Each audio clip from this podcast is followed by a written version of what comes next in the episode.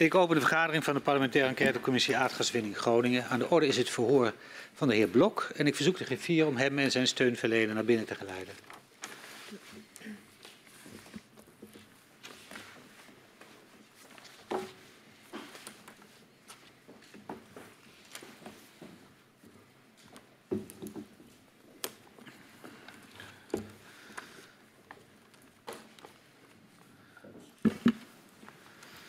Welkom, meneer Blok. En dat geldt ook voor u, meneer Ottervanger, hier bij de parlementaire enquêtecommissie Aardgaswinning Groningen.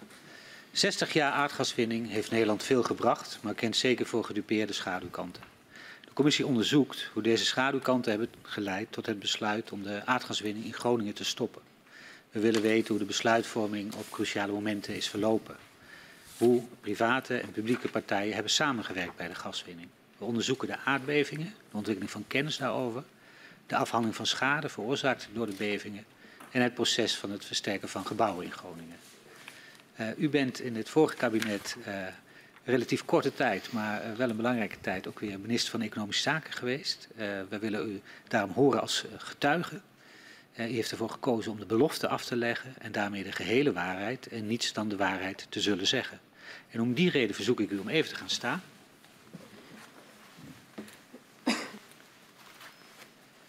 En mij na te zeggen, dat beloof ik. Dat beloof ik. Dan staat u onder Ede en mag u weer plaatsnemen. Het verhoor met u wordt afgenomen door uh, collega's Van der Graaf en Katman. En mogelijk dat mevrouw Kuik ook nog enkele vragen aan u heeft. Ja, dat is helder. Dan gaan we beginnen. Meneer Blok, u was van 2012 tot 2017 minister van Wonen en Rijksdienst in het kabinet Rutte 2 en van mei 2021 tot januari 2022 de missionair minister van Economische Zaken en Klimaat in het derde kabinet Rutte. In dit verhoor willen we het met u hebben over uw betrokkenheid bij het gaswinningsdossier in beide periodes. U bent van 5 november 2012 tot januari 2017 minister voor Wonen en Rijksdienst. De aardbeving bij Huizingen is dan al geweest en na het advies van Staatstoezicht op de Mijnen in januari 2013 worden de risico's van gaswinning regelmatig door het kabinet besproken. Wanneer begon de aardbevingsproblematiek een rol te spelen op uw departement? Onmiddellijk vanaf het moment uh, dat die, die, hevige bevingen plaatsvonden. En, en u noemde begrijpelijkerwijs Huizingen als ernstigste die er was. Uh, het departement eh, was en is verantwoordelijk voor de bouwregelgeving. Dus dat was een onmiddellijke reden voor betrokkenheid. En ik heb ook een aantal keren met, ik denk eerst nog de beoogd en daarna in functie zijnde nationaal commissaris eh, Hans Alders gesproken. Ja, dus eigenlijk zegt u daarmee, want ik vroeg u naar wanneer, dus bij uw aantreden uh, 5 november, toen, toen speelde het eigenlijk meteen al.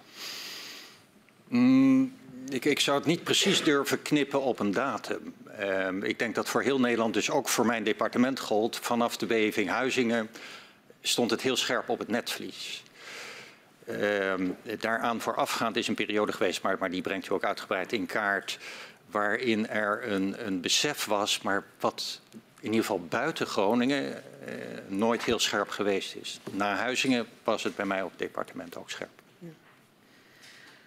omdat er geen normen zijn voor de veiligheid van woningen, stelt minister Kamp de stuurgroep Nationale Praktijkrichtlijn in. Uh, het onderwerp bouwnormen valt binnen het takenpakket van de minister voor Wonen en Rijksdienst. Op welke manier was u betrokken bij de vaststelling van normen voor de veiligheid van woningen in Groningen? Er is natuurlijk een, eh, een afdeling verantwoordelijk voor de bouwregelgeving die me heel vroeg in het stadium liet weten wij moeten regelgeving gaan maken voor bouwen in een uh, aardbevingsgebied. Uh, die regelgeving was er niet in Nederland, moest dus echt speciaal gemaakt worden. En dat is dan daarmee ook snel ter hand genomen, maar bracht natuurlijk wel praktische vraagstukken mee. Er zijn ook echt experimenten uitgevoerd met, met huizen op trilplaten zetten. Om, om te kijken hoe dat plaats moest vinden. Ook omdat het type aardbeving in Groningen anders is dan op andere plaatsen in de wereld, was er weinig eh, praktijkervaring uit andere landen waarmee gewerkt kan worden. Ja, en minister Kamp is het dus die die stuurgroep uh, uh, instelt. Uh, maar voelde u het ook als uw verantwoordelijkheid, de vaststelling van normen? Zeker. Ehm, minister Kamp was als minister van Economische Zaken de, de leidende minister, omdat de gaswinning natuurlijk van ouds onder economische zaken valt. Het had in het kabinet consequenties voor een aantal collega-ministers, waarvan u natuurlijk ook een deel heeft, uh, heeft uitgenodigd. En, en, mijn deel bouwregelgeving was heel duidelijk. Uh, er is daarnaast ook eigenlijk tot op de huidige dag ook een gesprek over welke rol wijken en, en gebiedsaanpak daarnaast moet, moet spelen. Uit de eerste analyse van de stuurgroep Nationale Praktijkrichtlijn blijkt dat mogelijk 30.000 tot 90.000 woningen versterkt moeten worden. Uh, de Nationaal Coördinator Groningen en de regionale overheden koppelen daar ambities aan. Die leiden tot een omvangrijke gebiedsopgave waarbij nauwe samenwerking met gemeenten en burgers vereist is. Wat was uw opvatting over de versterkingsoperatie? Dat die versterkingsoperatie de bittere noodzaak was voor de veiligheid van de mensen. Um, ik, realiseerde me dat het heel complex moest zijn, hoewel het natuurlijk een, een totaal nieuw terrein was voor, voor alle betrokkenen. Dus uh, dat, dat onze opgave bij Binnenlandse Zaken uh, allereerst specifiek lag op het gebied van die bouwregelgeving was, was duidelijk.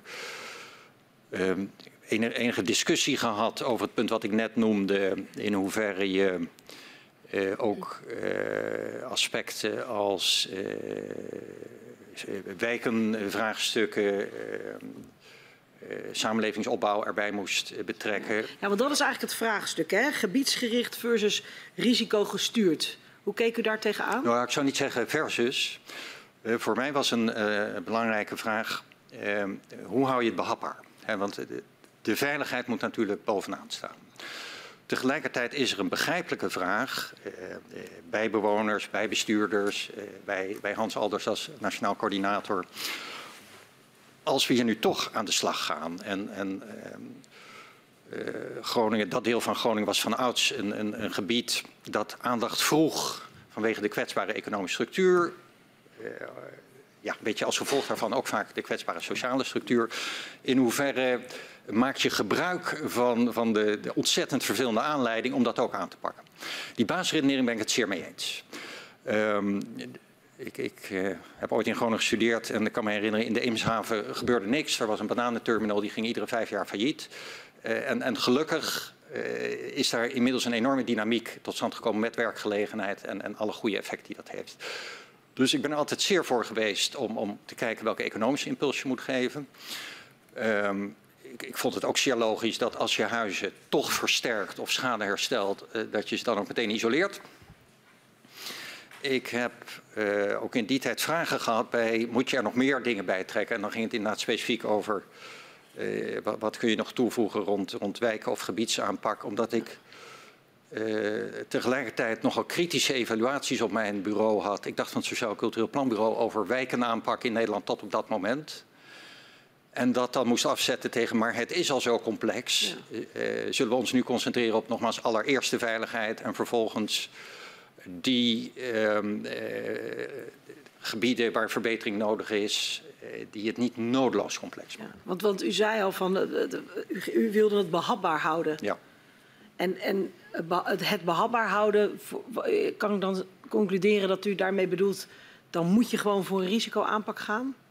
Nou, je, je, moet zorgen dat datgene wat het meest dringend is, de veiligheid. Ja, veiligheid staat natuurlijk altijd bovenaan. En daarmee wil ik echt niet onderschatten eh, de, de, de, de verdere invloed die dat heeft op, op, ja, op het dagelijks leven, eh, op, op de sociale structuur van, een, uh, van het gebied. Maar allereerst moet je zorgen dat het veilig is. Ja. En dat, en dat is nadien ook, ook, ook steeds meer gebleken, dat is op zich al een heel erg complexe tijdrovende operatie. En eh, bij, bij het, het, handelen van de overheid is nou eenmaal heel, heel vaak de vraag, kunnen we het eigenlijk? Ja. En omdat je weet dat je die vraag moet stellen, moet je van tevoren dus ook de vraag stellen, hoeveel problemen tegelijk moet je, wil je aanpakken? Nogmaals, ik vond het logisch om een aantal dingen te koppelen. Eh, op één terrein was ik teruggaan. Ja, en omdat u dat logisch vond en ook dus eigenlijk die vraag die u zegt van die de regio dan stelt, of burgemeesters of de NCG, die kan ik me ook heel goed uh, voorstellen.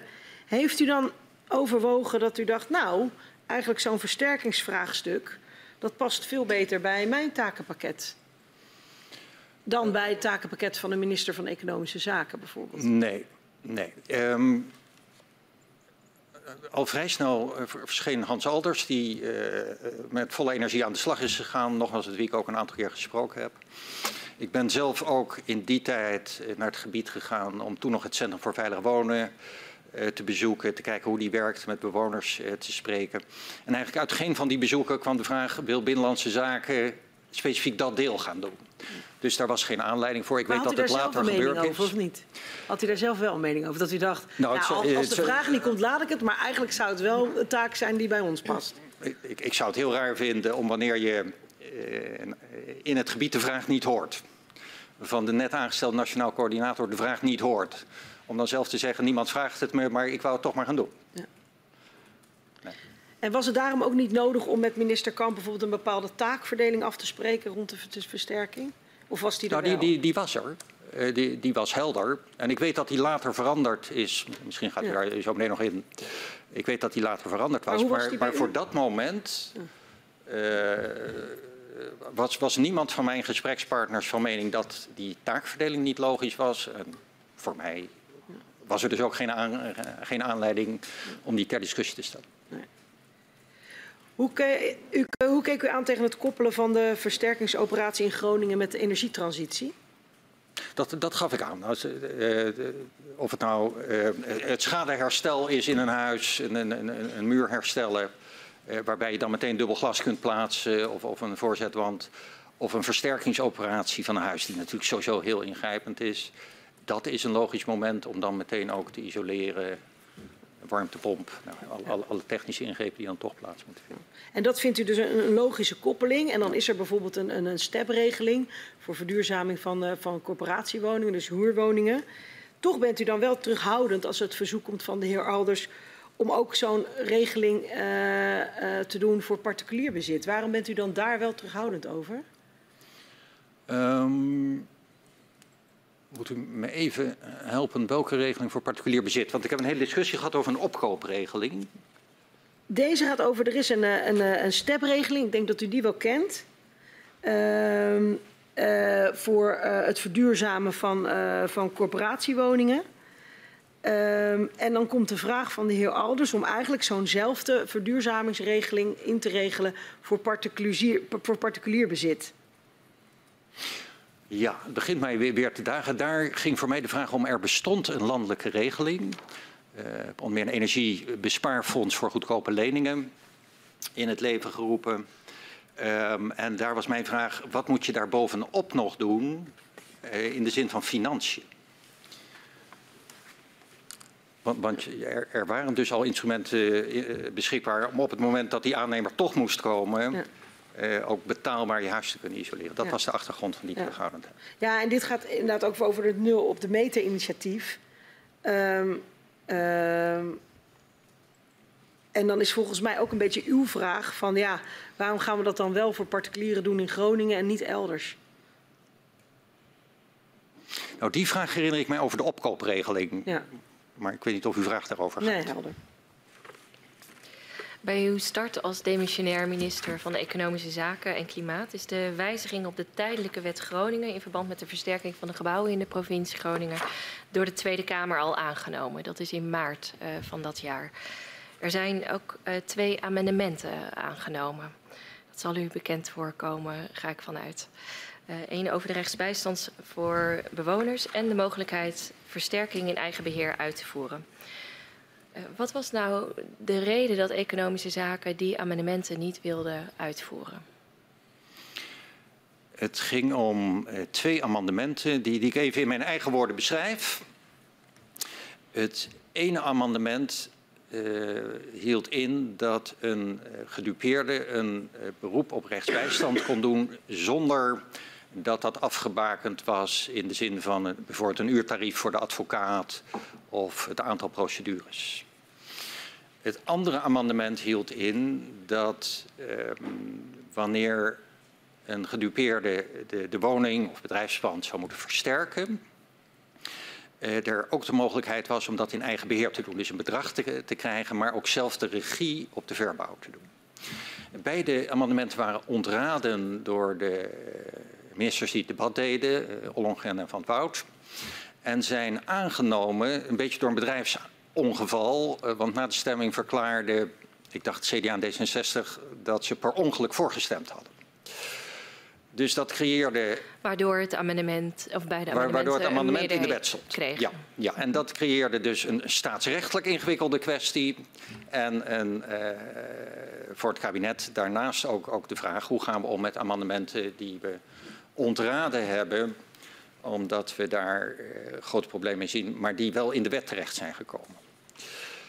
Um, is dat dan de doorslaggevende reden waarom deze amendementen niet werden doorgevoerd? Waarom er zo... Nou, wij, wij, hebben toen laten weten, want de wet was nog niet aangenomen. Die moest naar de Eerste Kamer. En de, Zeker. Wij wisten niet of de Eerste Kamer voor of tegen de wet in, in die versie zou stemmen. We wisten wel dat wij met die amendementen grote problemen zouden hebben. Ik zal u toelichten waarom.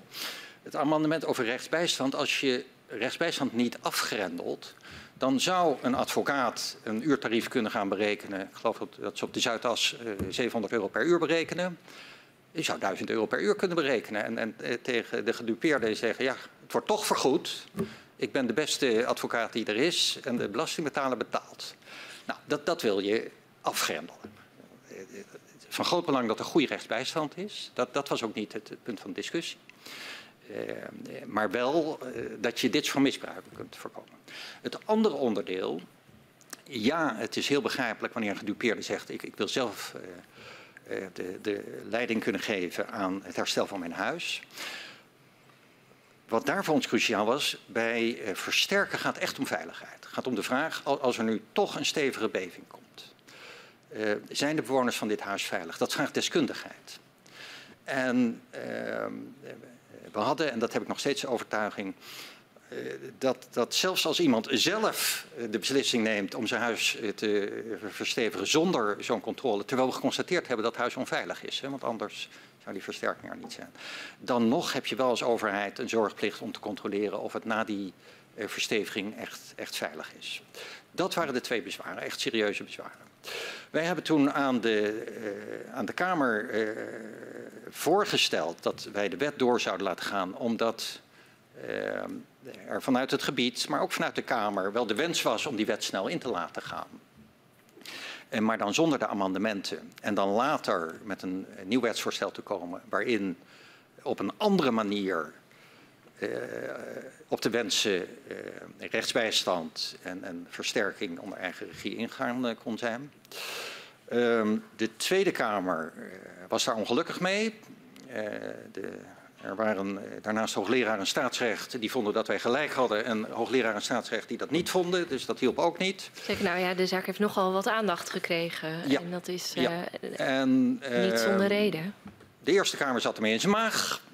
Uh, en uh, uh, uiteindelijk hebben we dus toch besloten om een novelle te maken, dus een, een, korte nieuwe wet. Wat wel betekent dat je weer een wetgevingstraject in moet. En dat vraagt dus enige tijd.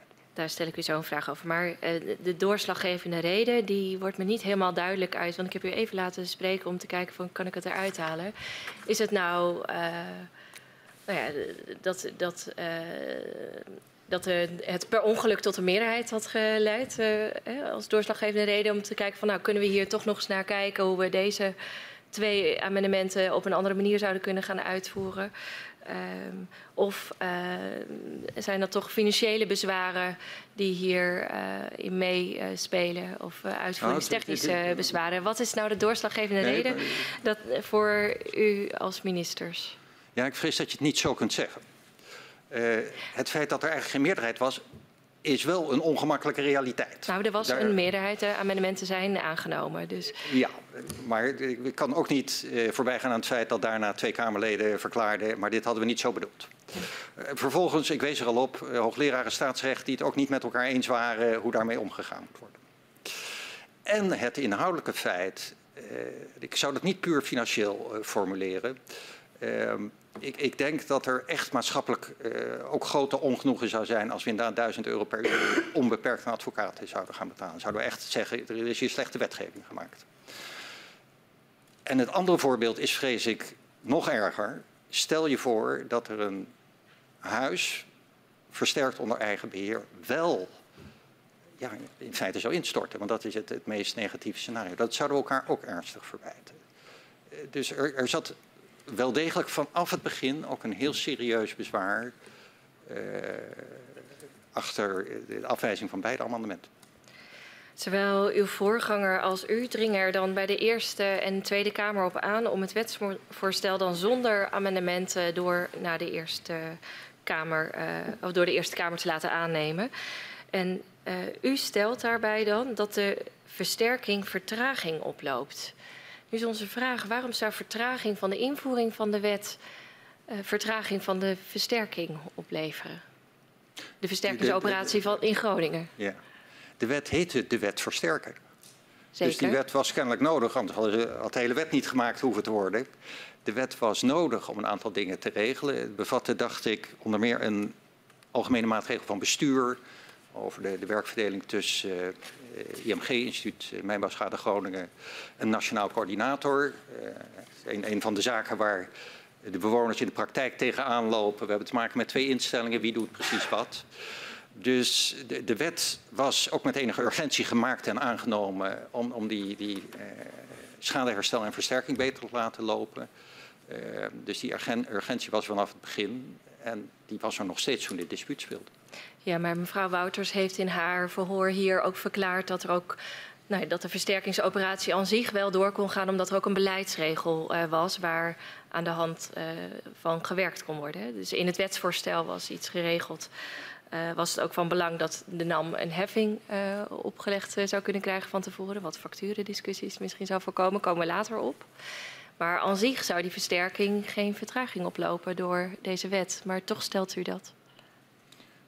Ja, maar dit doorredenerend roept dan de vraag waarom was de wet überhaupt nodig? En volgens mij uh, vond en vindt de Kamer en de minister dat die wet nodig was. Zeker, maar er was een beleidsregel in aanloop naar die ja. wet, was er eh, op basis waarvan gehandeld kon maar er was in er ook grote onvrede en overigens nog steeds over het tempo van versterken en herstel, de onderlinge afstemming tussen uh, IMG en NCG, de communicatie naar de, de bewoners. Dus er was wel degelijk een aanleiding voor die wet. En, en dus ook tijdsdruk. Dus u staat er nog achter dat het, die wet, het, het, niet aannemen van de wet, uh, tot vertraging zou leiden in Groningen?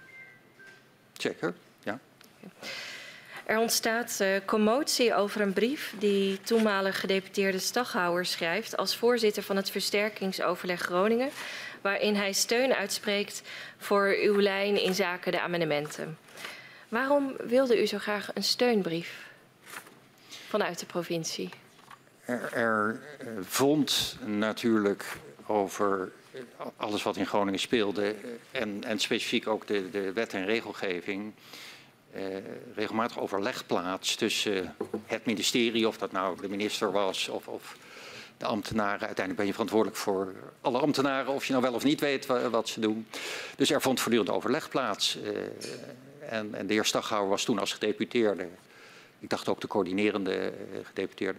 Dus het was volstrekt logisch dat er met hem overlegd werd over wat vindt uh, u als verantwoordelijk gedeputeerde van de wet versterken.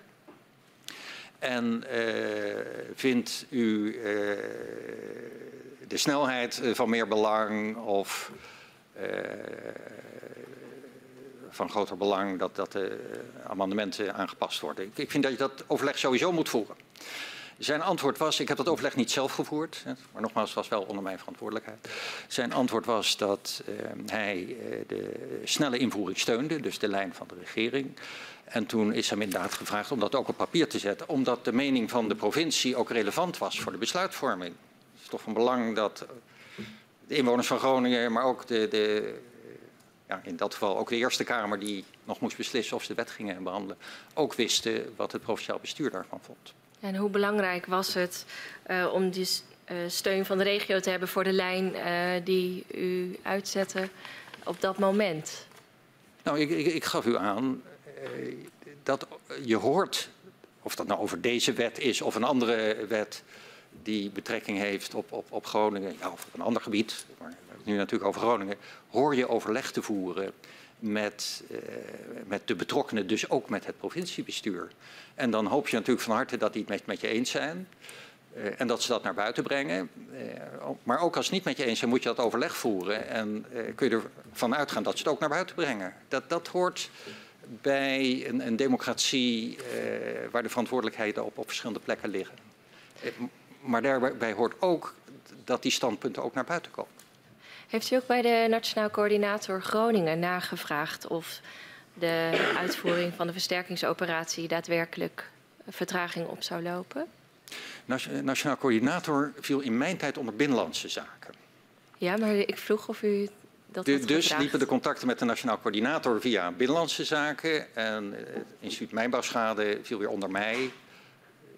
Dus daar had ik de contacten mee. Inmiddels is dat bij elkaar gevoegd, vind ik Zeker, ook verstandig. maar u gaf aan dat er al nauw contacten zijn over deze tijdelijke wetversterk, uh, of deze wetversterking uh, Groningen. Dus uh, daar hebben we het nog steeds over. Dus mijn vraag is nu, uh, is er dan vanuit u of de minister van Binnenlandse Zaken nagevraagd bij de Nationaal Coördinator of de versterkingsoperatie daadwerkelijk vertraagd zou worden? Als deze wet nou, nog niet, niet vanuit mij, en dat zou ook niet logisch zijn. Die wet is door twee ministers ingediend en verdedigd. Ik, was daar niet bij. Ik was de, u heeft dat niet zelf gedaan, maar heeft u maar daar met ik, minister ik heb Ollongren wel, over wel vaker wetten met andere ministers ingediend. Dan uh, overlegt iedere minister met zijn eigen lijn. Dus de minister van Binnenlandse Zaken overlegde met uh, de NCG. Ja. En, en, ik met de IMG. En heeft het kabinet, uh, om het maar zo dan te vragen als ministers, uh, de nationaal coördinator gevraagd of het Dat weet ik niet, omdat dat niet via mij liep. U weet dat. En dan nogmaals, ik vind het verstandig dat het nu onder één minister is gebracht, maar dat was toen gewoon niet zo. Ja. Het onderdeel. Het, het is voor de goede orde. Als ik iets zou vragen aan de NCG, wat ik overigens wel eens gedaan heb, dan ging dat altijd wel via de lijn. Dan informeer je netjes je collega. Ik heb een vraag. Dat was in die gevallen omdat ik in het gebied was geweest. Ik vragen kreeg die niet op mijn terrein lagen. Ik natuurlijk niet de mensen wilde vervelen met wat valt onder mij en wat valt onder collega Ollengren. Dus in die rol stelde ik dan een vraag aan het NCG. Maar normaal gesproken ga je niet als minister de organisatie van een ander aanspreken. Nee, of, of, om informatie vragen. Zo, Ook dat niet, uh, ja, omdat je een werkverdeling hebt. Het uh, onderdeel versterking van de tijdelijke wet Groningen uh, is nog steeds niet in werking getreden. In mei 2021 stelt u dat uitstel tot vertraging zal leiden. En in juni 2021 is al duidelijk dat u een zogenaamde novelle moet indienen als u de amendementen niet overneemt. Maar die novelle die wordt pas 3 mei 2022, bijna een jaar later, ingediend. Waarom heeft dat zo lang geduurd? Een, een, novelle is een wet en een wet kent een, een, traject zoals we dat in Nederland afgesproken hebben. Namelijk dat je hem eerst maakt, wat eh, toch een vak is. Want, want je, je, wil die twee doelen bereiken. Ja, er is goede rechtsbijstand, maar niet ongelimiteerd. Ja, mensen kunnen zelf de regie nemen over de verbaal. Maar, maar uiteindelijk moet het wel veilig zijn. Dus dat moet technisch en juridisch goed in elkaar zitten. Dan wordt een wet altijd geconsulteerd. Dus de, Zeker, wij zijn bekend met hoe een wetgevingsproces eruit ziet. Maar toch leidt dit wel tot vragen. Want de reden om de amendementen niet over uh, te nemen... U, uh, in de brief die u naar de Kamer uh, stuurt... zegt u, het wetsvoorstel moet wel behandeld worden... anders levert het vertraging op van de versterkingsoperatie. dat leidt tot de verwachting dat nou als een novelle moet worden voorbereid... dat je daar dan uh, haast uh, achter zet. Uh, toch duurt het een jaar. Sommige wetten kunnen ook heel snel. Maar, dit, dit, lijkt een beetje op omdraaiing van feiten. Het kabinet was niet voor een novelle. Het kabinet was ervoor om de wet zonder de amendementen in te laten gaan. Dat was de snelste route. Daar was vervolgens verzet tegen in de Kamer. Toen hebben gezegd, dan maar een novelle. Met daarbij de waarschuwing, maar dat kost tijd.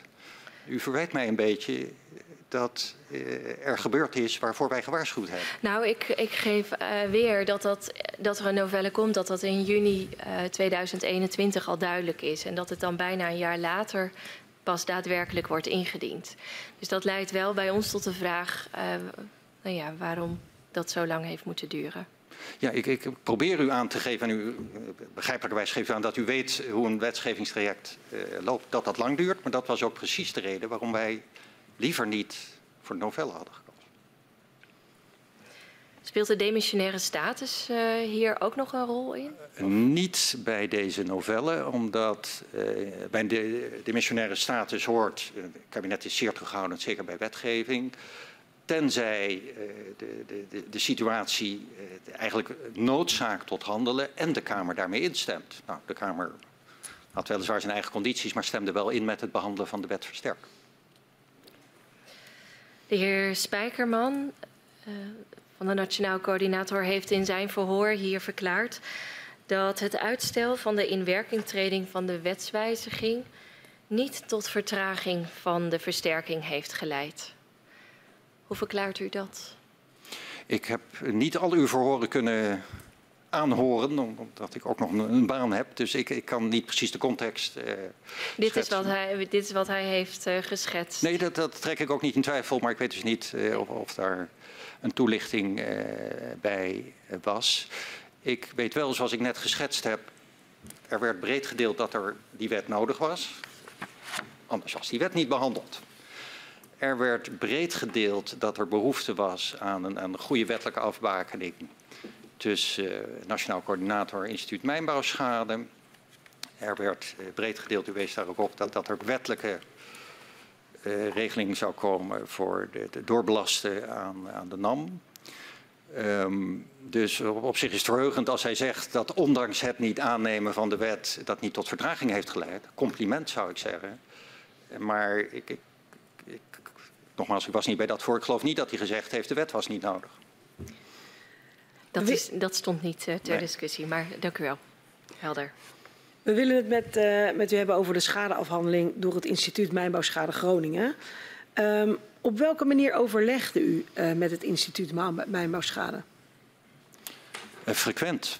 Um, omdat de, de, de, de afhandeling, het herstel, de financiële vergoeding, voor eh, de schade voor de, de bewoners een, een, enorme zorg en ergernis was. Um, IMG verantwoordelijk was en is voor uh, het schadeherstel en ik als minister verantwoordelijk voor het IMG. Dus het was een onderwerp wat echt bovenaan mijn agenda stond, waar ik ook heel veel in de Kamer over bevraagd ben.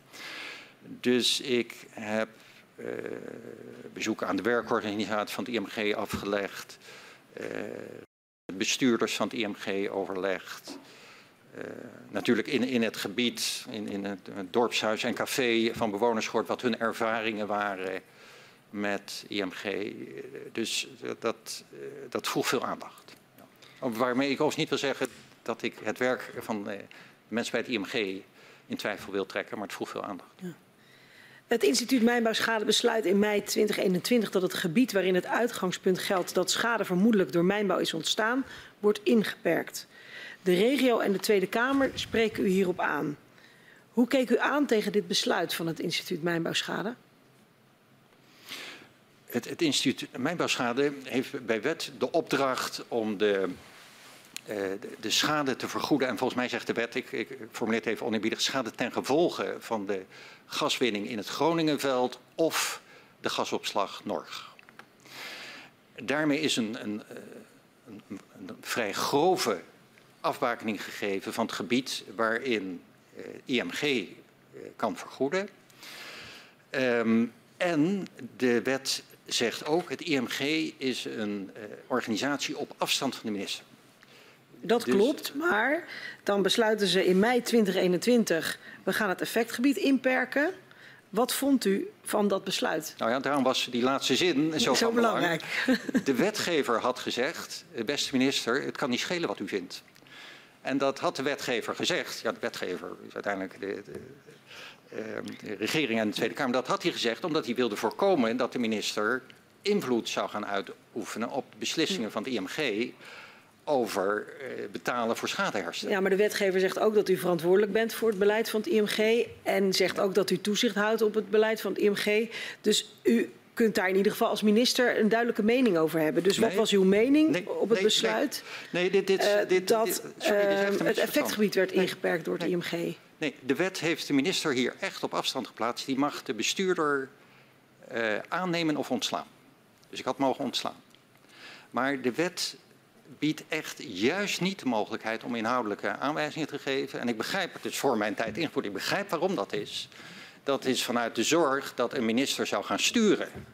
En, en daarmee uh, zou kunnen proberen om, om het geldbedrag omlaag te brengen.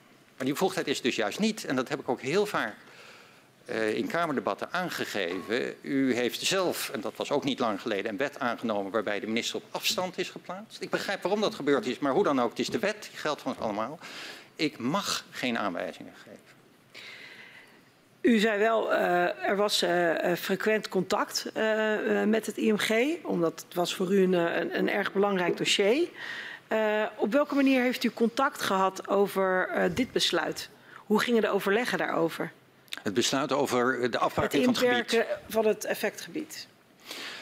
Um, uiteindelijk heeft de, de, Kamer een aantal moties aangenomen. En mijn commentaar aan de Kamer was, zoals ik het u ook aangeef, u vraagt iets aan mij wat u mij verboden heeft. Um, dus ik kan geen opdracht geven. Ik kan wel de inhoud van de motie overbrengen aan het IMG. Maar zij moeten beslissen wat ze ermee doen. Dus zo is dat ook gegaan. Ja. Daarnaast, eh, onderdeel van de bezoek aan het IMG was bijvoorbeeld ook dat ik uh, de, de, uw vraag gaat denk ik ook specifiek om de afbakening in uh, uh, Zuid-Groningen, Noord-Drenthe. Want, want, dat was specifiek ook het gebied ja. waar IMG al een aantal uitkeringen had gedaan voor schade en later op grond van wetenschappelijk onderzoek tot de conclusie ja. kwam dat schade daar niet door uh, de winning, ja. uh, de gaswinning. Dus Groningers kregen daar wel eerst schadevergoeding ja. en toen opeens niet meer. En u zei, we hebben frequent contact met het IMG, belangrijk dossier. Dus u brengt dan in ieder geval uh, de motie over. Maar hoe gaat dan zo'n gesprek? Langs, langs deze lijn, dat ik aangaf, deze motie is aangenomen. Natuurlijk volgen de mensen van het IMG die Kamerdebatten ook, maar tegelijkertijd maak je dat ook onderdeel van je gesprek. Waarbij je ook aangeeft, wij kennen beide de wet.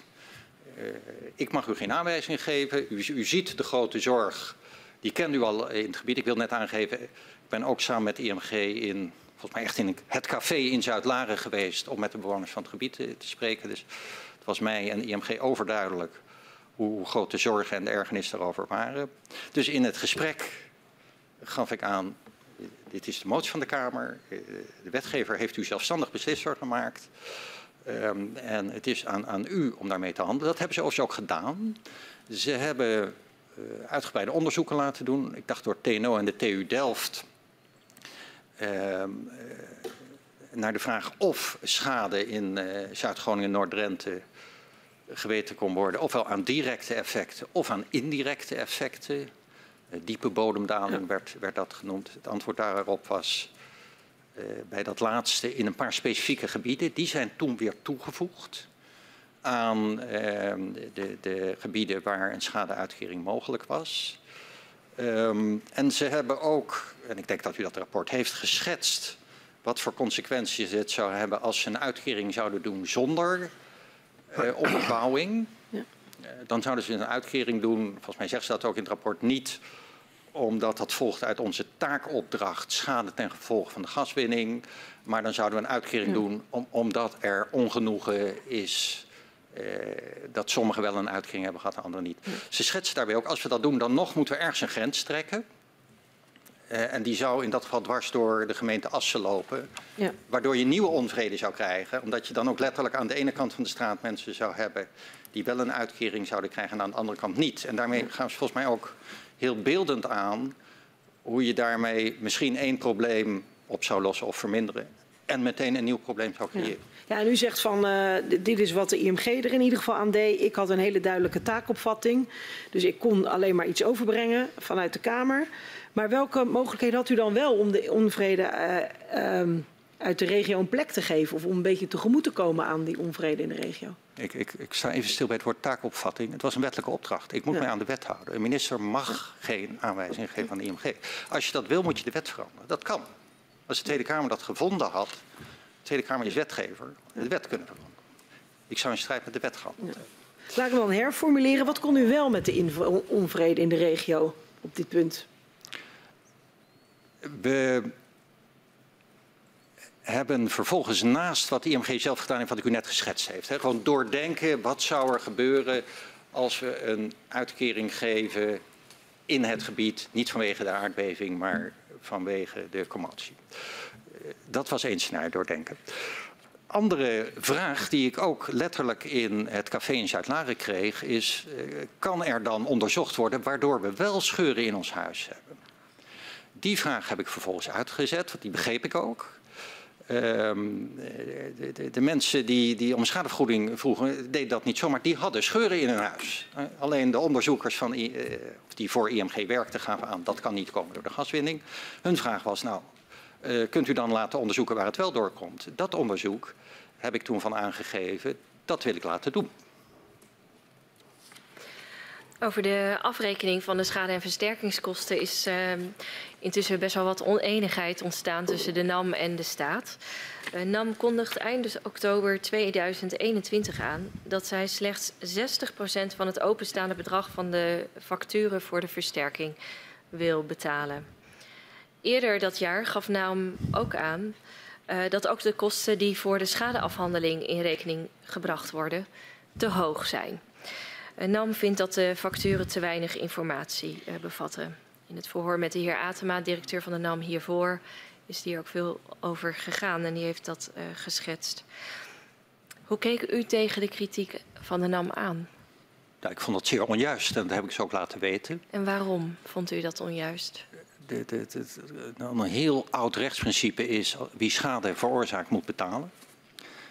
De schade was veroorzaakt door het bedrijf de NAM. Uh, de schade was duidelijk, dus de rekening van de schade moest door de NAM betaald worden. En uh, daar kon met mij ook niet over onderhandeld worden. Dus dat was de, de boodschap die we schriftelijk aan de NAM hebben gegeven en die ik ook persoonlijk in een gesprek aan de directeur van de NAM heb gegeven. En wat was zijn reactie toen? Dat hij van mening was dat er meer in rekening werd gebracht dan de, de werkelijke schadeomvang was.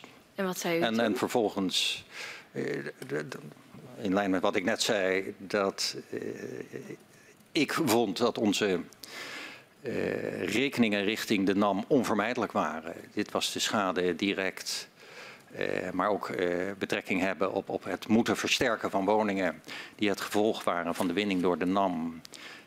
en wie schade veroorzaakt moet betalen. Bent u ook uh, nagegaan of die facturen voldoende informatie bevatten? In ja? Dat, dat, dat, is natuurlijk de, de, stelling van de NAM dat de facturen onvoldoende informatie bevatten. Uh, mijn overtuiging was, dit zijn de, de, facturen die de, de, goede grondslag, dus voldoende informatie bevatten, die de goede grondslag zijn voor het doorbelasten van de schade. De Algemene Rekenkamer is in 2021 kritisch over de ondoelmatige en kostbare gang van zaken bij schade en versterking. Uh, herkende u de kritiek van de Algemene Rekenkamer? Ja, zeker. Die was ook zeer goed onderbouwd. Er werden uh, berekeningen bijgegeven van de verhouding tussen de kosten van het schade opnemen en de daadwerkelijke uitkeringen van schade. En ik dacht dat de kosten in de buurt van de helft van de totale uitgaven lagen. Dus dat, dat was een, een wanverhouding. Um, om uh, dat in, in, ja, efficiënter te maken, want daar gaat het uiteindelijk om. Je wil dat het geld bij de, bij de gedupeerde terechtkomt. Zijn al door mijn voorgangers maatregelen genomen. Uh, die beide, toen ik minister was, van kracht werden als het gaat om versterken, wat toen dus, dus nog onder Binnenlandse Zaken viel, is er een, een uh, aanpak ontwikkeld, dat, dat heette de typologie-aanpak, waarbij uh, huizen van eenzelfde type, uh, stel jaren 60 doorzonwoning, niet huis voor huis beoordeeld hoefde te worden. Wat natuurlijk enorm scheelt in, in de kosten, maar ook in het gedoe voor de bewoners. dus die operatie was eerst in gang gezet, want dat vraagt weer een hoop, hoop onderzoek. Uh, maar ik neem aan dat hij nu in werking is, want hij is aangekondigd toen ik uh, minister was. De andere was voor de schade dat het IMG uh, de mogelijkheid bood voor mensen met schade om ervoor te kiezen om een bedrag van 5000 euro te krijgen zonder controle ter plekke, maar dan ook van hun kant de, de de constatering voor deze beving is dit onze declaratie. En uh, alleen als er nog een beving is, kunnen wij weer een bedrag declareren. Om, omdat er relatief veel declaraties waren voor bedragen onder de 5000 euro, leidde dat tot een verlichting van het gedoe. Voor de bewoners, maar ook voor het IMG. Dus dat was een andere maatregel om te zorgen voor minder gedoe en minder kosten. Ja. De Algemene Rekenkamer uh, beveelt aan de ministers aan van EZK en BZK om aan de hand van een meerjarige raming van die kosten te, te zoeken naar een alternatieve wijze van financiering en verantwoording voor schadeherstel en versterking. Er zouden bijvoorbeeld opties kunnen worden verkend voor een afkoopregeling met de NAM. Uh, heeft u dit onderzocht? Uh, of hoe haalbaar achter u dit? Uh, de Rekenkamer heeft die aanbeveling gedaan. Uh, NAM heeft dat aanbod ook in het openbaar wel eens gedaan. Of, of de Shell heeft dat denk ik in het openbaar gedaan. Um, dat zou een zeer ingrijpende beslissing zijn. Die voor mij onder de categorie valt, dat kan een dimissionair minister niet doen. Die zou zeer ingrijpend zijn, omdat een afkoop betekent dat als er uh, als het geld van de afkoop is opgebruikt. En ik hoop dat het niet zo is, maar als er toch langdurig nog bevingen zijn of grote schade. En het geld zou zijn opgebruikt, dat je het dan niet meer zou kunnen verhalen. Uh, de andere kant zou zijn, je zou uh, misschien uh, een efficiëntere procedure kunnen, kunnen starten. Misschien, dat weten we niet. Dus er is binnen mijn ministerie denkwerk over verricht. Maar ik vond het echt niet logisch voor een dimissionair kabinet om daar een beslissing over te nemen. Heeft u een advies meegegeven richting de formatie? Ik heb daar geen advies over meegegeven. Ik vind ook echt dat de, de opvolgers daar allereerst eh, dat kan helaas niet allemaal in het openbaar, want dat gaat natuurlijk om de inschatting van de, de staat over uh, juridische posities. Ik vind dat een opvolger daar op basis van de onderzoeken waarvan ik weet dat ze gedaan zijn, dat de opvolger daar op, op die grond een afweging moet kunnen maken. Eerder in het verhoor hebben we gesproken over de wijziging van de tijdelijke wet Groningen, die nog niet is aangenomen. Uh, daarin is ook opgenomen dat de kosten van de versterking met een heffing aan de NAM moeten worden doorberekend.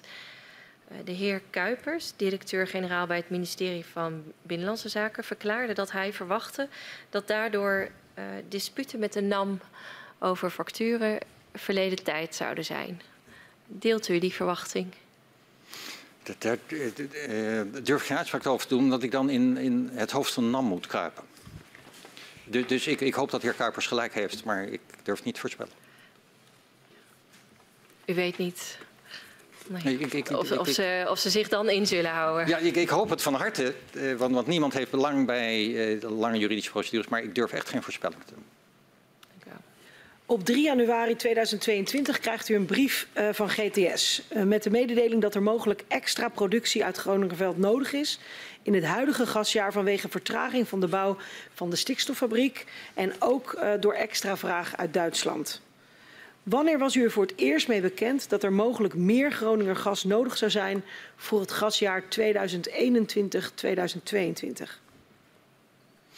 Er waren twee redenen voor die mogelijk uh, toegenomen winning.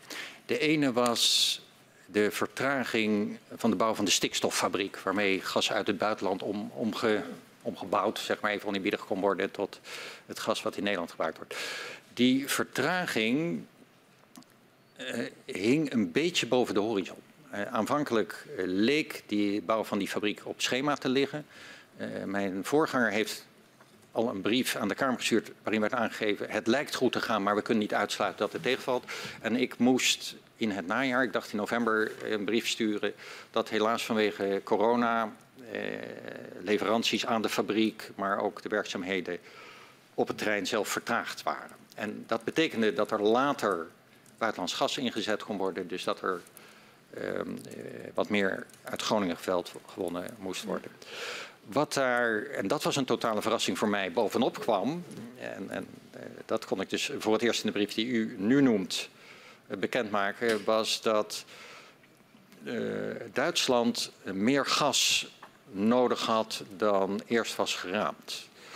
Um, de, to, toen Nederland besloot om de, de gaswinning in Groningen af te bouwen, is er natuurlijk contact opgenomen met de buurlanden die veel gas afnemen. En die hebben loyaal meegewerkt aan het snel afbouwen. Uh, ik, vind het ook wel passend om, om dat te zeggen. Uh, maar in Duitsland was er een tegenvaller. En die, die leidde dus helaas dus ook tot die conclusie dat ook om die reden er dit jaar in feite meer gas gewonnen moest. Ja, nu, en u benoemt terecht die twee redenen. Dat zei ik ook al in mijn inleiding. En u zegt van eigenlijk die vertraging van die stikstoffabriek, die hing al in de lucht. De verrassing was de extra vraag uh, uit Duitsland. En uh, ik vroeg me dus af wanneer u voor het eerst mee bekend was dat er eigenlijk meer Groninger gas nodig was uh, in 2021, 2022. als u zegt dat eerste was geen verrassing, die, die, die, die, dat uitstel van die stikstoffabriek dat hing al in de lucht koppelde u, u toen ook al daaraan uh, dat er uh, meer Groninger gas nodig zou zijn in dat gasjaar? Nee, want... De, de, de, of was dat eigenlijk, dat, dat was niet gelijk... Nee. Er is altijd één enorme onzekerheid op de achtergrond bij de raming van de gaswinning. Dat is temperatuurverloop. Dus de hoeveelheid te winnen gas is altijd onder een aanname van een eh, normaal temperatuurverloop. Volgens mij wordt dat altijd in die brieven gezegd. Um, en onderdeel daarvan is dus ook dat de gasvoorraden aan het eind van het jaar uh, afhankelijk zijn van het temperatuurverloop. Dus het, als, als, je geluk hebt en, en, de gasopslag zit nog vol, moet je, heb je om die reden minder behoefte aan winning. En in de loop van het jaar blijkt ook nog eens hoeveel je moet winnen als gevolg van temperatuurverloop. Dus gaswinning is altijd een bewegend doel. Van de fabriek uh, uh, Zuidbroek, de stikstoffabriek, wisten we dat er een risico was, dat er vertraging was. Maar op basis van een risico kan je natuurlijk nog niet zeggen, we moeten meer gas winnen. En je wil ook niet nodeloos onzekerheid creëren. Uh, maar dat risico was wel bekend en, en ook naar buiten gebracht.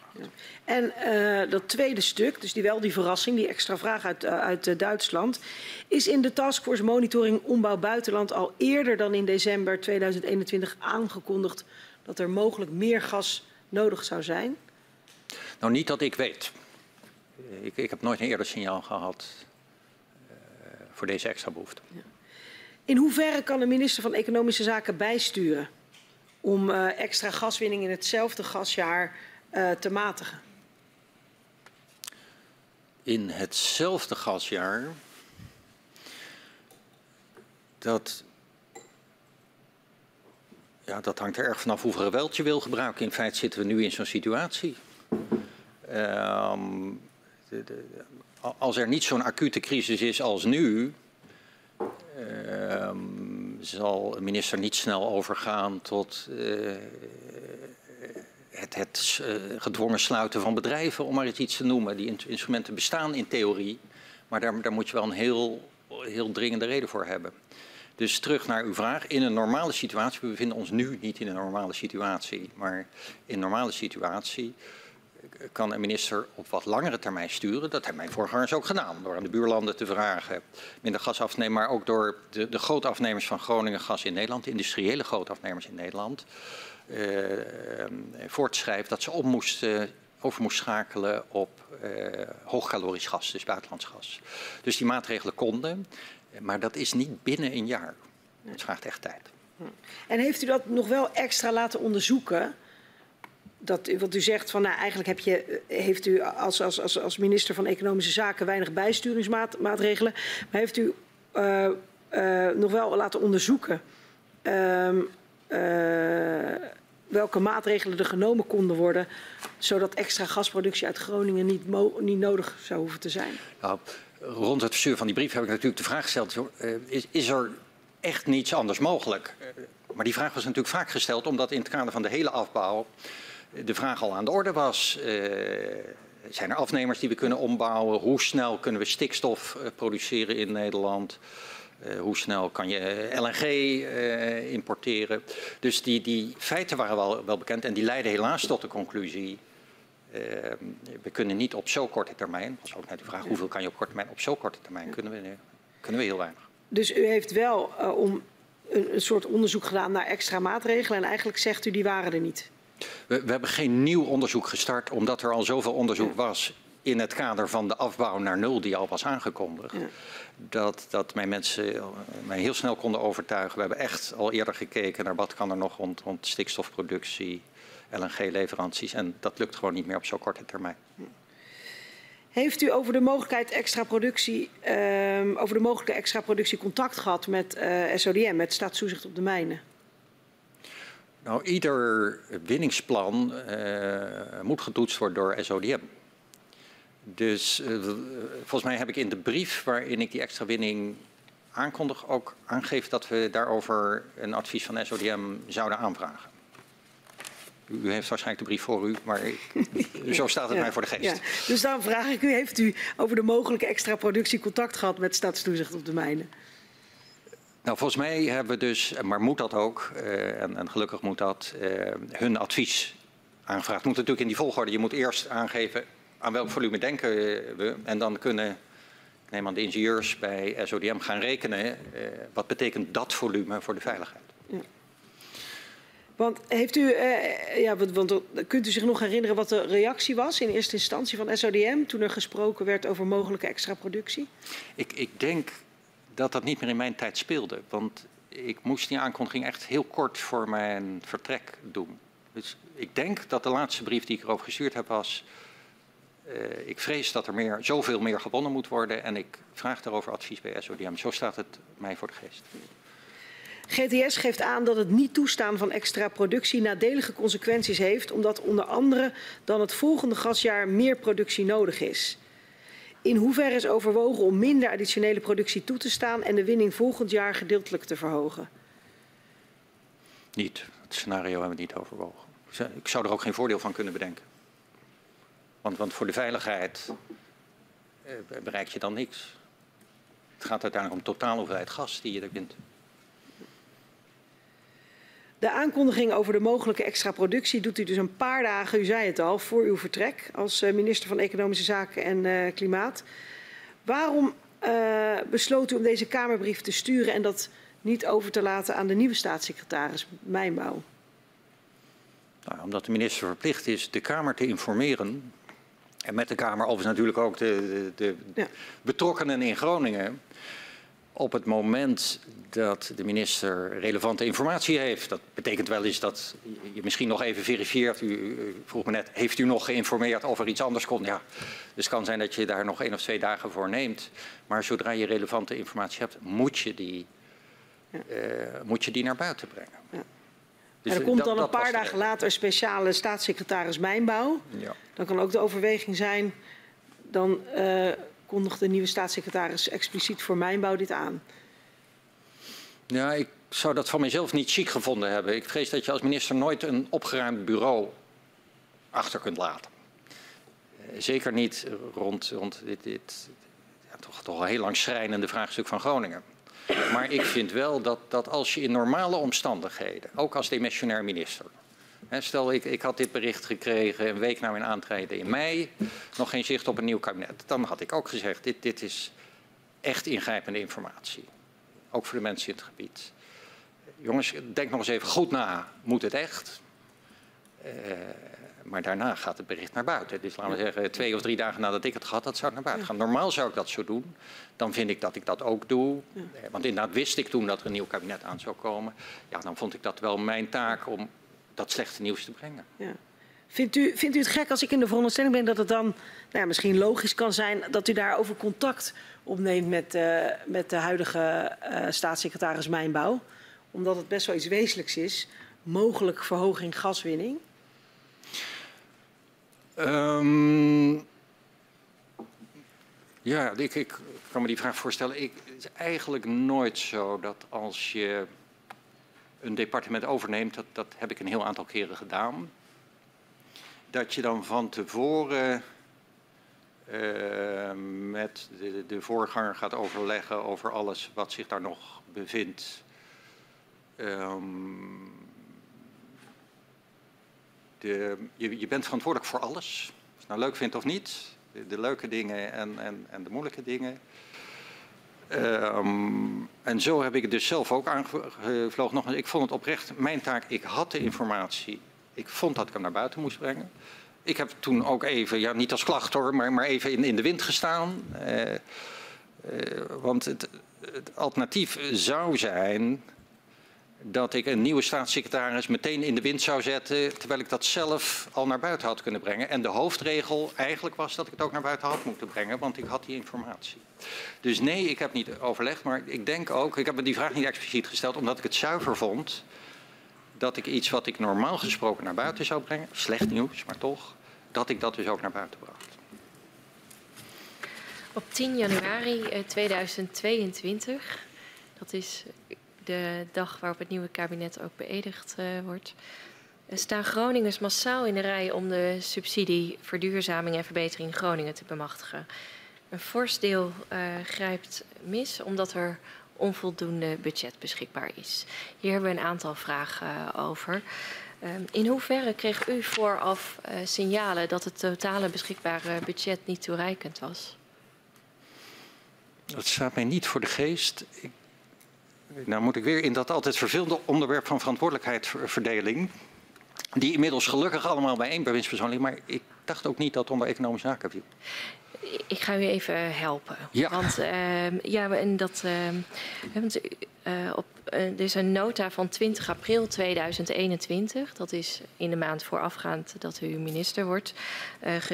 en ehm, in die nota lezen wij door ruimhartige vormgeving van deze regeling is de verwachting dat er meer aanvragen komen dan er beschikbaar budget is. In dat geval is er een risico dat er een verzoek uit de regio komt om het budget op te hogen. Dat staat in die nota. Uh, uw voorganger, Bas van het Woud, schrijft daar dan nog handgeschreven bij. Roepen we hier niet dezelfde problematiek als met de waardevermeerdering over ons af? En hoe gaan we daarmee om? Wij hebben gezien in onze stukken dat u deze nota, inclusief deze aantekening van uw voorganger, heeft ontvangen en ook heeft uh, bevestigd gelezen te hebben. Okay. Um, wellicht helpt dat uh, uw herinnering uh, naar boven te brengen. Um. Um, u heeft ongetwijfeld gelijk, maar hij staat me niet voor de geest. Je, je krijgt natuurlijk een heel groot overdrachtsdossier en de waardevermeerderingsregeling heb ik zelf inderdaad om extra geld bij financiën gevraagd en gekregen. Dat is precies de reden waarom ik hier, u hier de lastige vraag stel. Viel het nou onder economische zaken of onder binnenlandse zaken? Omdat de andere regeling herinner ik me, omdat ik daar geld voor gevraagd heb. Ja. Uh, de regeling viel onder uh, het ministerie van Binnenlandse Zaken. Dus we hebben dit ook met uh, of minister Ollengren in haar verhoor aan de orde gehad. Um, maar uw voorganger, Bas van het Woud, zat op economische zaken. Ja. Heeft dit commentaar bij die nota geschreven. Um, en ja, wij weten dus dat u die ook heeft gezien. Dus daarom vragen wij ons af of u hier ook nog iets mee heeft gedaan. Heeft u hier actie op ondernomen? Het antwoord is nee. En dan is dit waarschijnlijk de verklaring. Omdat je, als je zo'n groot dossier krijgt, je heel snel gaat schiften. Wat moet ik doen? Nou, de, en, en nogmaals, ik realiseer uh... me heel goed dat een Groninger heeft helemaal niets aan. Ja. Maar je hebt, je hebt zo'n stapel dingen voor je. Er was één regeling met geldtekort die onder mij viel. Daarvoor heb ik extra geld gevraagd en gekregen. Er was een andere regeling met geldtekort die niet onder mij viel. En dan, het is niet, niet om af te schuiven, maar dan is het heel logisch dat je op, op zo'n heel vol bureau zegt... ja, maar, maar die heeft even niet mijn prioriteit, want daar stuur ik niet op. Heeft u uh, wel met minister Ollongren overleg gehad hierover? In de Kamer nee, nogmaals, de, de, deze regeling is mij pas weer opgevallen. Uh, inderdaad, op het moment dat u schetst, toen heel kort na mijn, uh, mijn vertrek, die, die ja, heel vervelende beelden uit, uit Groningen kwamen van mensen die voor niks in de rij stonden. Um,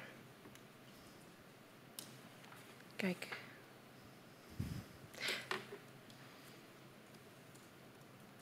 ja, um, ik zat even te denken van of ik hier dan nog vervolgvragen op uh, zou moeten stellen. Maar dan stel ik u de vraag, hoe, hoe kijkt u hier op, op terug? Waarop? Uh, dat uh, deze, nou ja, er is ge veel gewaarschuwd voor te weinig budget voor deze regeling. vanuit de commissaris van de Koning, die dat ook bij de kabinetsleden onder de aandacht heeft gebracht. Ook nog tijdens de formatie gaf hij aan in zijn verhoor. minister Ollengren is ervan op de hoogte. Er worden Kamervragen over gesteld. Dus het is wel een onderwerp dat ook aandacht heeft in Den Haag. Maar toch ja. wordt daar ja. Wordt het budget ja. niet verruimd en ontstaat er een grote rij. Ja. Ik, ik gaf wel aan, ik, ik, ik vond die beelden echt echt schrijnend. Ik, ik gaf u ook aan, nou, uit, mijn antwoord op de eerste vraag bleef ik al, ik stond mij niet meer voor de geest. Ik dacht, omdat uh, het een regeling was die niet rechtstreeks onder mij viel. Nogmaals, ik, ik realiseer het lijkt dan een soort van afschuif, maar nogmaals, je, je probeert je werk behapbaar te maken. Dus ik moest voor een andere regeling extra geld regelen, heb ik ook gedaan. En ik heb er niet aan gedacht, laat ik voor een regeling die niet primair onder mij valt, ook in de gaten houden wat daar gebeurt. Nee. Dat is helder. Maar nogmaals, ik bedoel dat niet als afschuif. Ik ben alleen nee, maar blij dat, is, uh... dat, het nu onder één bewindspersoon valt. omdat het, het was ongemakkelijk op die manier. Ja. De, de, dat is goed duidelijk uh, geworden, dank u wel. In de aankondiging zei ik u dat we u zouden bevragen op uw rol als uh, minister van Wonen en Rijksdienst. En uh, in uw rol als de missionair minister van EZK. Maar ik ga toch ook nog even een beetje aanspraak doen op uw rol als uh, minister van Buitenlandse Zaken. Uh, want op 7 maart 2018 dan volgt u de heer Zelstra op en wordt u minister van Buitenlandse Zaken. En het kabinet besluit kort hierna op 29 maart de gaswinning te beëindigen. Wanneer hoorde u voor het eerst dat de gaswinning beëindigd zou worden? Ik denk in de ministerraad. En waar, werd u daardoor overvallen? Nou, ik denk niet, ik moet echt even gaan, ik denk niet zozeer overvallen, maar wel van dit, dit is historische beslissing. Uh, de, uh, ik, heb natuurlijk lang in de Tweede Kamer gezeten. Zo lang werd er in de nationale politiek als vanzelfsprekend aangenomen dat de energievoorziening in Nederland veilig was. We hadden ons eigen gas. En dat er een uh, constante grote stroom van inkomsten uit aardgas was dat dat een ingrijpende beslissing was. Ik kan me ook uit, eh, ik ben van 98 tot 2012 eh, Kamerlid geweest. Er was volgens mij geen partij landelijk in die tijd, wel in Groningen, maar landelijk, die, die zei: zullen we eens wat minder gas gaan winnen? Of, en, ja, het kan niet schelen wat, wat dat betekent voor de energiezekerheid of de, de inkomsten. Dus dat werd met, heel breed met enorme vanzelfsprekendheid aangenomen. En dan dus de beslissing om, om zo'n vanzelfsprekendheid ter discussie te, te stellen, dat was heel ingrijpend. Maar de situatie gaf er ook al een aanleiding toe. Dus, uh, maar, maar u heeft natuurlijk uh, minister Wiebes hier de, deze week gehad, die, die, die zelf die ingrijpende beslissing heeft, heeft genomen en heeft verdedigd.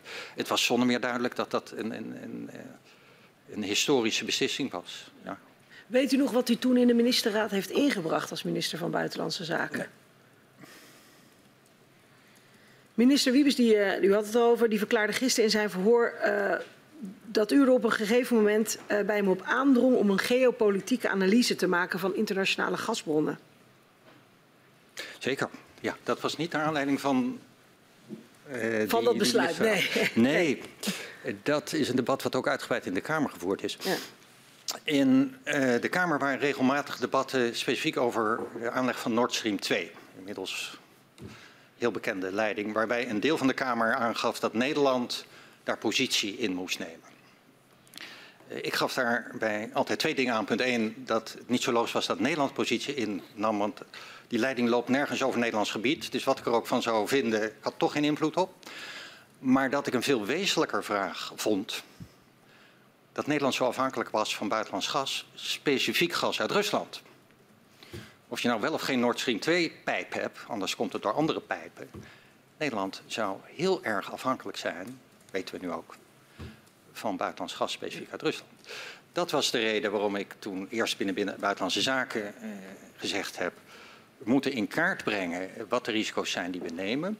Daarvoor had Buitenlandse Zaken economische zaken nodig. Dus daar zijn één of twee bijeenkomsten uh, over geweest met ambtenaren en, en ikzelf. En dat heeft geresulteerd in een, een, brief aan de Kamer met de toezegging dat jaarlijks de leveringszekerheid uh, in kaart gebracht zou worden en dat daarover gerapporteerd zou worden. Dat is nu allemaal natuurlijk totaal ander daglicht komen te staan. Maar dat was de reden. Ja, ja en, en, dus, dus die, en, dan, en dan wordt die uh, geopolitieke analyse gedaan. Want uh, Wiebes is, uh, minister Wiebes is het met u eens. Ja. Wat, wat waren de belangrijkste uitkomsten toen? Die, dat, dat is een openbare kamerbrief. Uh, ja. als, als ik hem oneerbiedig samenvat, ook uit mijn geheugen, nogal geruststellend. Uh, de, de, de, de, kans werd laag ingeschat dat Rusland gaswapen in zou zetten. En daarnaast werd aangegeven dat specifiek Nederland uh, zodanig centraal in, in het gasnetwerk ligt dat wij relatief veilig zouden zijn. Dus ik denk als je brief nu terugleest dat het ja, door de geschiedenis ingehaald. Nee, want dat, dat, wordt, dat heeft uh, minister Wiebes ook duidelijk verklaard. Een, een oorlog was niet, uh, niet meegerekend. Um, wie, wie kunnen eigenlijk deze analyses uitvoeren? Wie, wie doen dat? Um, nou, de, in, inderdaad was mijn ongemakkelijke beeld weinig mensen. Um, ik was minister van Buitenlandse Zaken, dus ik eerst de vraag aan mijn eigen ambtenaren. Die, en daar wil ik ook echt niks uh, aan afdoen. Op dat moment was dat geen onderwerp van aandacht. Dus die zeiden ja, uh, moeten we echt economische zaken gaan vragen. Nou, prima. dit valt overigens onder het voorbeeld, u vroeg me daar straks, ga je dan zelf naar een ander ministerie? Nee. Dan ga je via de officiële lijn, dus bovenlangs, vind je het goed dat we met jouw ambtenaren gaan kijken. Dus heb ik ook aan Wiebes gevraagd. Volgens mij zit een punt, vind je het goed dat we met jouw ambtenaren gaan kijken naar de gasleveringszekerheid. Maar ik zou dus nooit zelf de afdeling energie van economische zaken bellen, want ik heb een vraagje. Uh, kun je dat uitzoeken? Um, dus dat is ook gebeurd. Er is een bijeenkomst geweest, ook, ook in mijn aanwezigheid. En daar was inderdaad het beeld dat er diep gegraven moest worden voor een, een scenario. Uh, Rusland knijpt het gas af. Ik heb nog een aantal uh, uh, vragen. Dan ga ik terug naar die facturendiscussie met NAM. Uh, want NAM heeft kritiek op rekeningen omdat er schade wordt uitgekeerd waar NAM zich niet aansprakelijk voor acht. Ehm, omdat de versterking op verouderde normen zou plaatsvinden. Wat vindt u van die kritiek? Ik vertegenwoordig de, maar u vraagt mij nu in die rol, de uh, belangen van de Nederlandse staat en alle inwoners. En ik vind dat uh, de Nederlandse inwoners, en in het bijzonder de, Nederlandse, de inwoners van Groningen, recht hebben op vergoeding voor de schade en het leed. Mm. Uh, ik ben niet totaal verrast als de partij die de schade moet betalen zegt ik wil graag minder betalen. Maar mijn standpunt is er is hier schade, er is ook echt leed. En er is dus geen alternatief voor betalen. En in, uh, in, in uw tijd dat u er zat, uh, wat heeft u gedaan om, om NAM daarvan te overtuigen om die facturen wel te uh, betalen? Heeft u dan een stevig gesprek of, of hoe gaat zoiets? Ik heb daar iets van aangegeven. We, we hebben eerst schriftelijk laten weten dat we in ons recht staan en het dus uh, totaal oneens zijn met de claim van de NAM. Mm. En ik heb vrij kort daarna ook een uh, gesprek met de directeur van de NAM gehad, specifiek over dit onderwerp. Dus ja.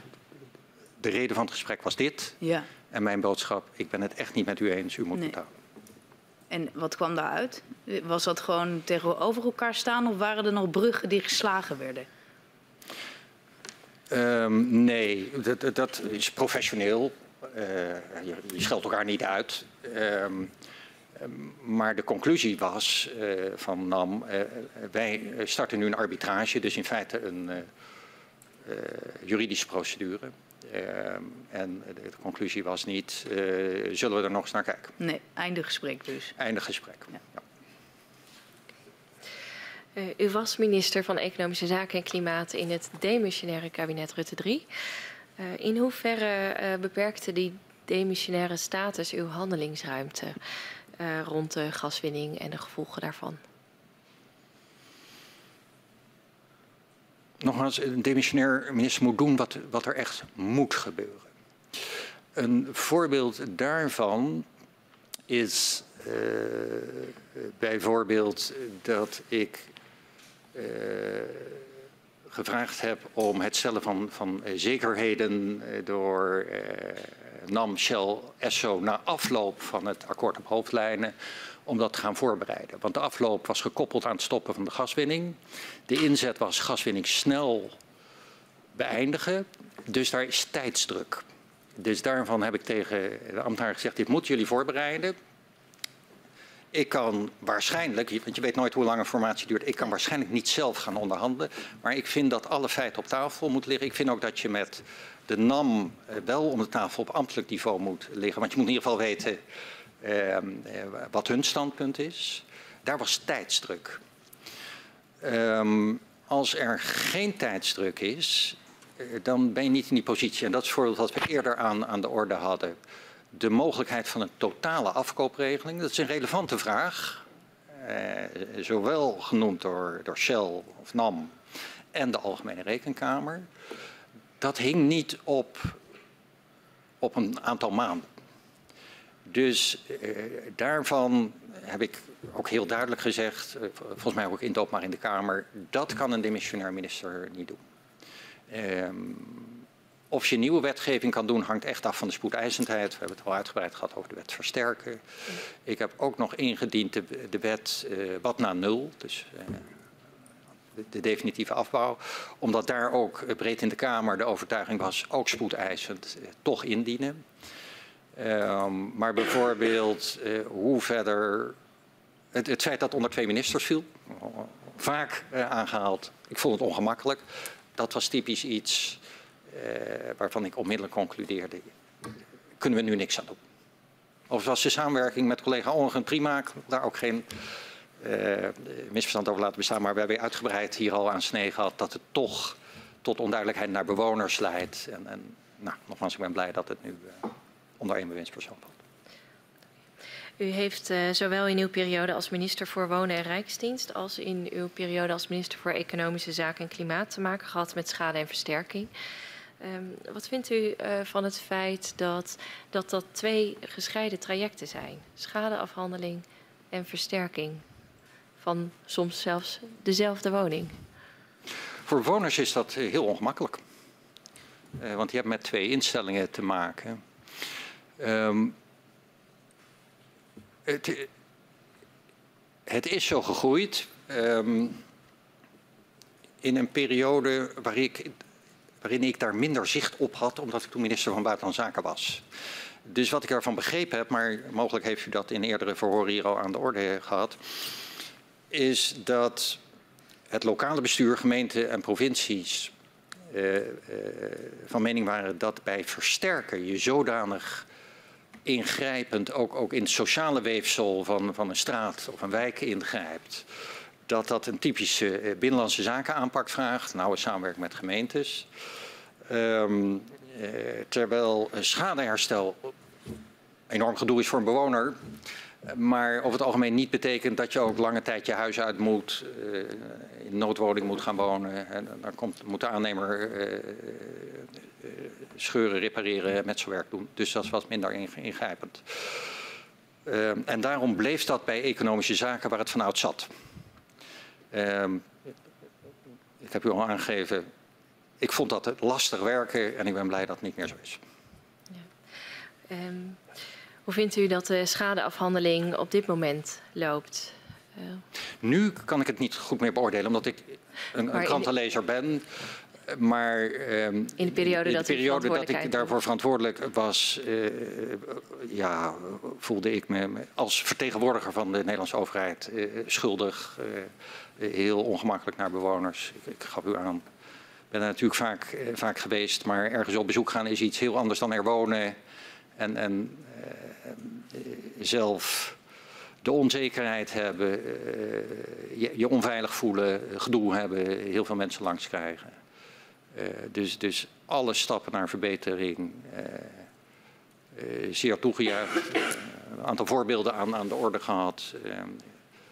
De, de, de 5000 euro regeling van IMG, de typologieregeling. nu één bewindspersoon. Dus gelukkig een aantal stappen de goede kant op, maar, maar voor de mensen in het gebied. Van, natuurlijk heb ik nog, nog steeds beelden gezien, ook na de, de, de beving weer van afgelopen weekend. Mensen zijn nog steeds een prooi aan onzekerheid en aan lange procedures. Ehm, dus daar, daar hebben we echt nog een lange weg te gaan. Mevrouw Ollongren en um, ook uh, de heer Wiebes hebben in hun verhoor ook aangegeven dat uh, in de periode 2017 tot 2022 uh, de, nou ja, de, de, aandacht in het kabinet wat breder verdeeld was over bewindslieden voor nou ja, wat er in Groningen speelde. En dat dat een verandering was ten opzichte van de periode 2012 uh, tot 2017. In beide periodes heeft u in het kabinet gezeten. Um, wat heeft u daarvan gemerkt of gezien? En hoe, hoe ja, kijkt ik, u daarnaar? Ik, ik, herken dat heel erg. Ik gaf al aan dat um, tijdens kabinet Rutte 2 um, de, de leiding totaal lag bij economische zaken en niemand ook de vraag stelde, want uh, mevrouw Katman vroeg mij, had u niet de neiging om iets naar u te trekken? Nee, want nie, niemand stelde de vraag, uh, waarom heeft economische zaken hier de leiding en doet, in dat geval binnenlandse zaken, alleen specifieke deel bouwregelgeving. Dat was inderdaad een heel andere situatie dan tijdens uh, Rutte 3. Um, toen bewust de verdeling gemaakt is tussen binnenlandse zaken en economische zaken. Overigens ook met de nadelen waar we het net uitgebreid over hebben. Uh, vervolgens uh, uh, vielen de twee organisaties onder, onder twee ministers. Had je regelingen waarvan ik ook nu iedere keer weer moet gaven, viel die nou onder mij of, of onder, onder de collega. Dus ik heb dat een ongemakkelijke situatie gevonden die nu ook weer hersteld is. We zijn uitgevraagd als commissie. Dank voor uw medewerking. En ik verzoek de rivier om u en uw steunverleden naar buiten te geleiden.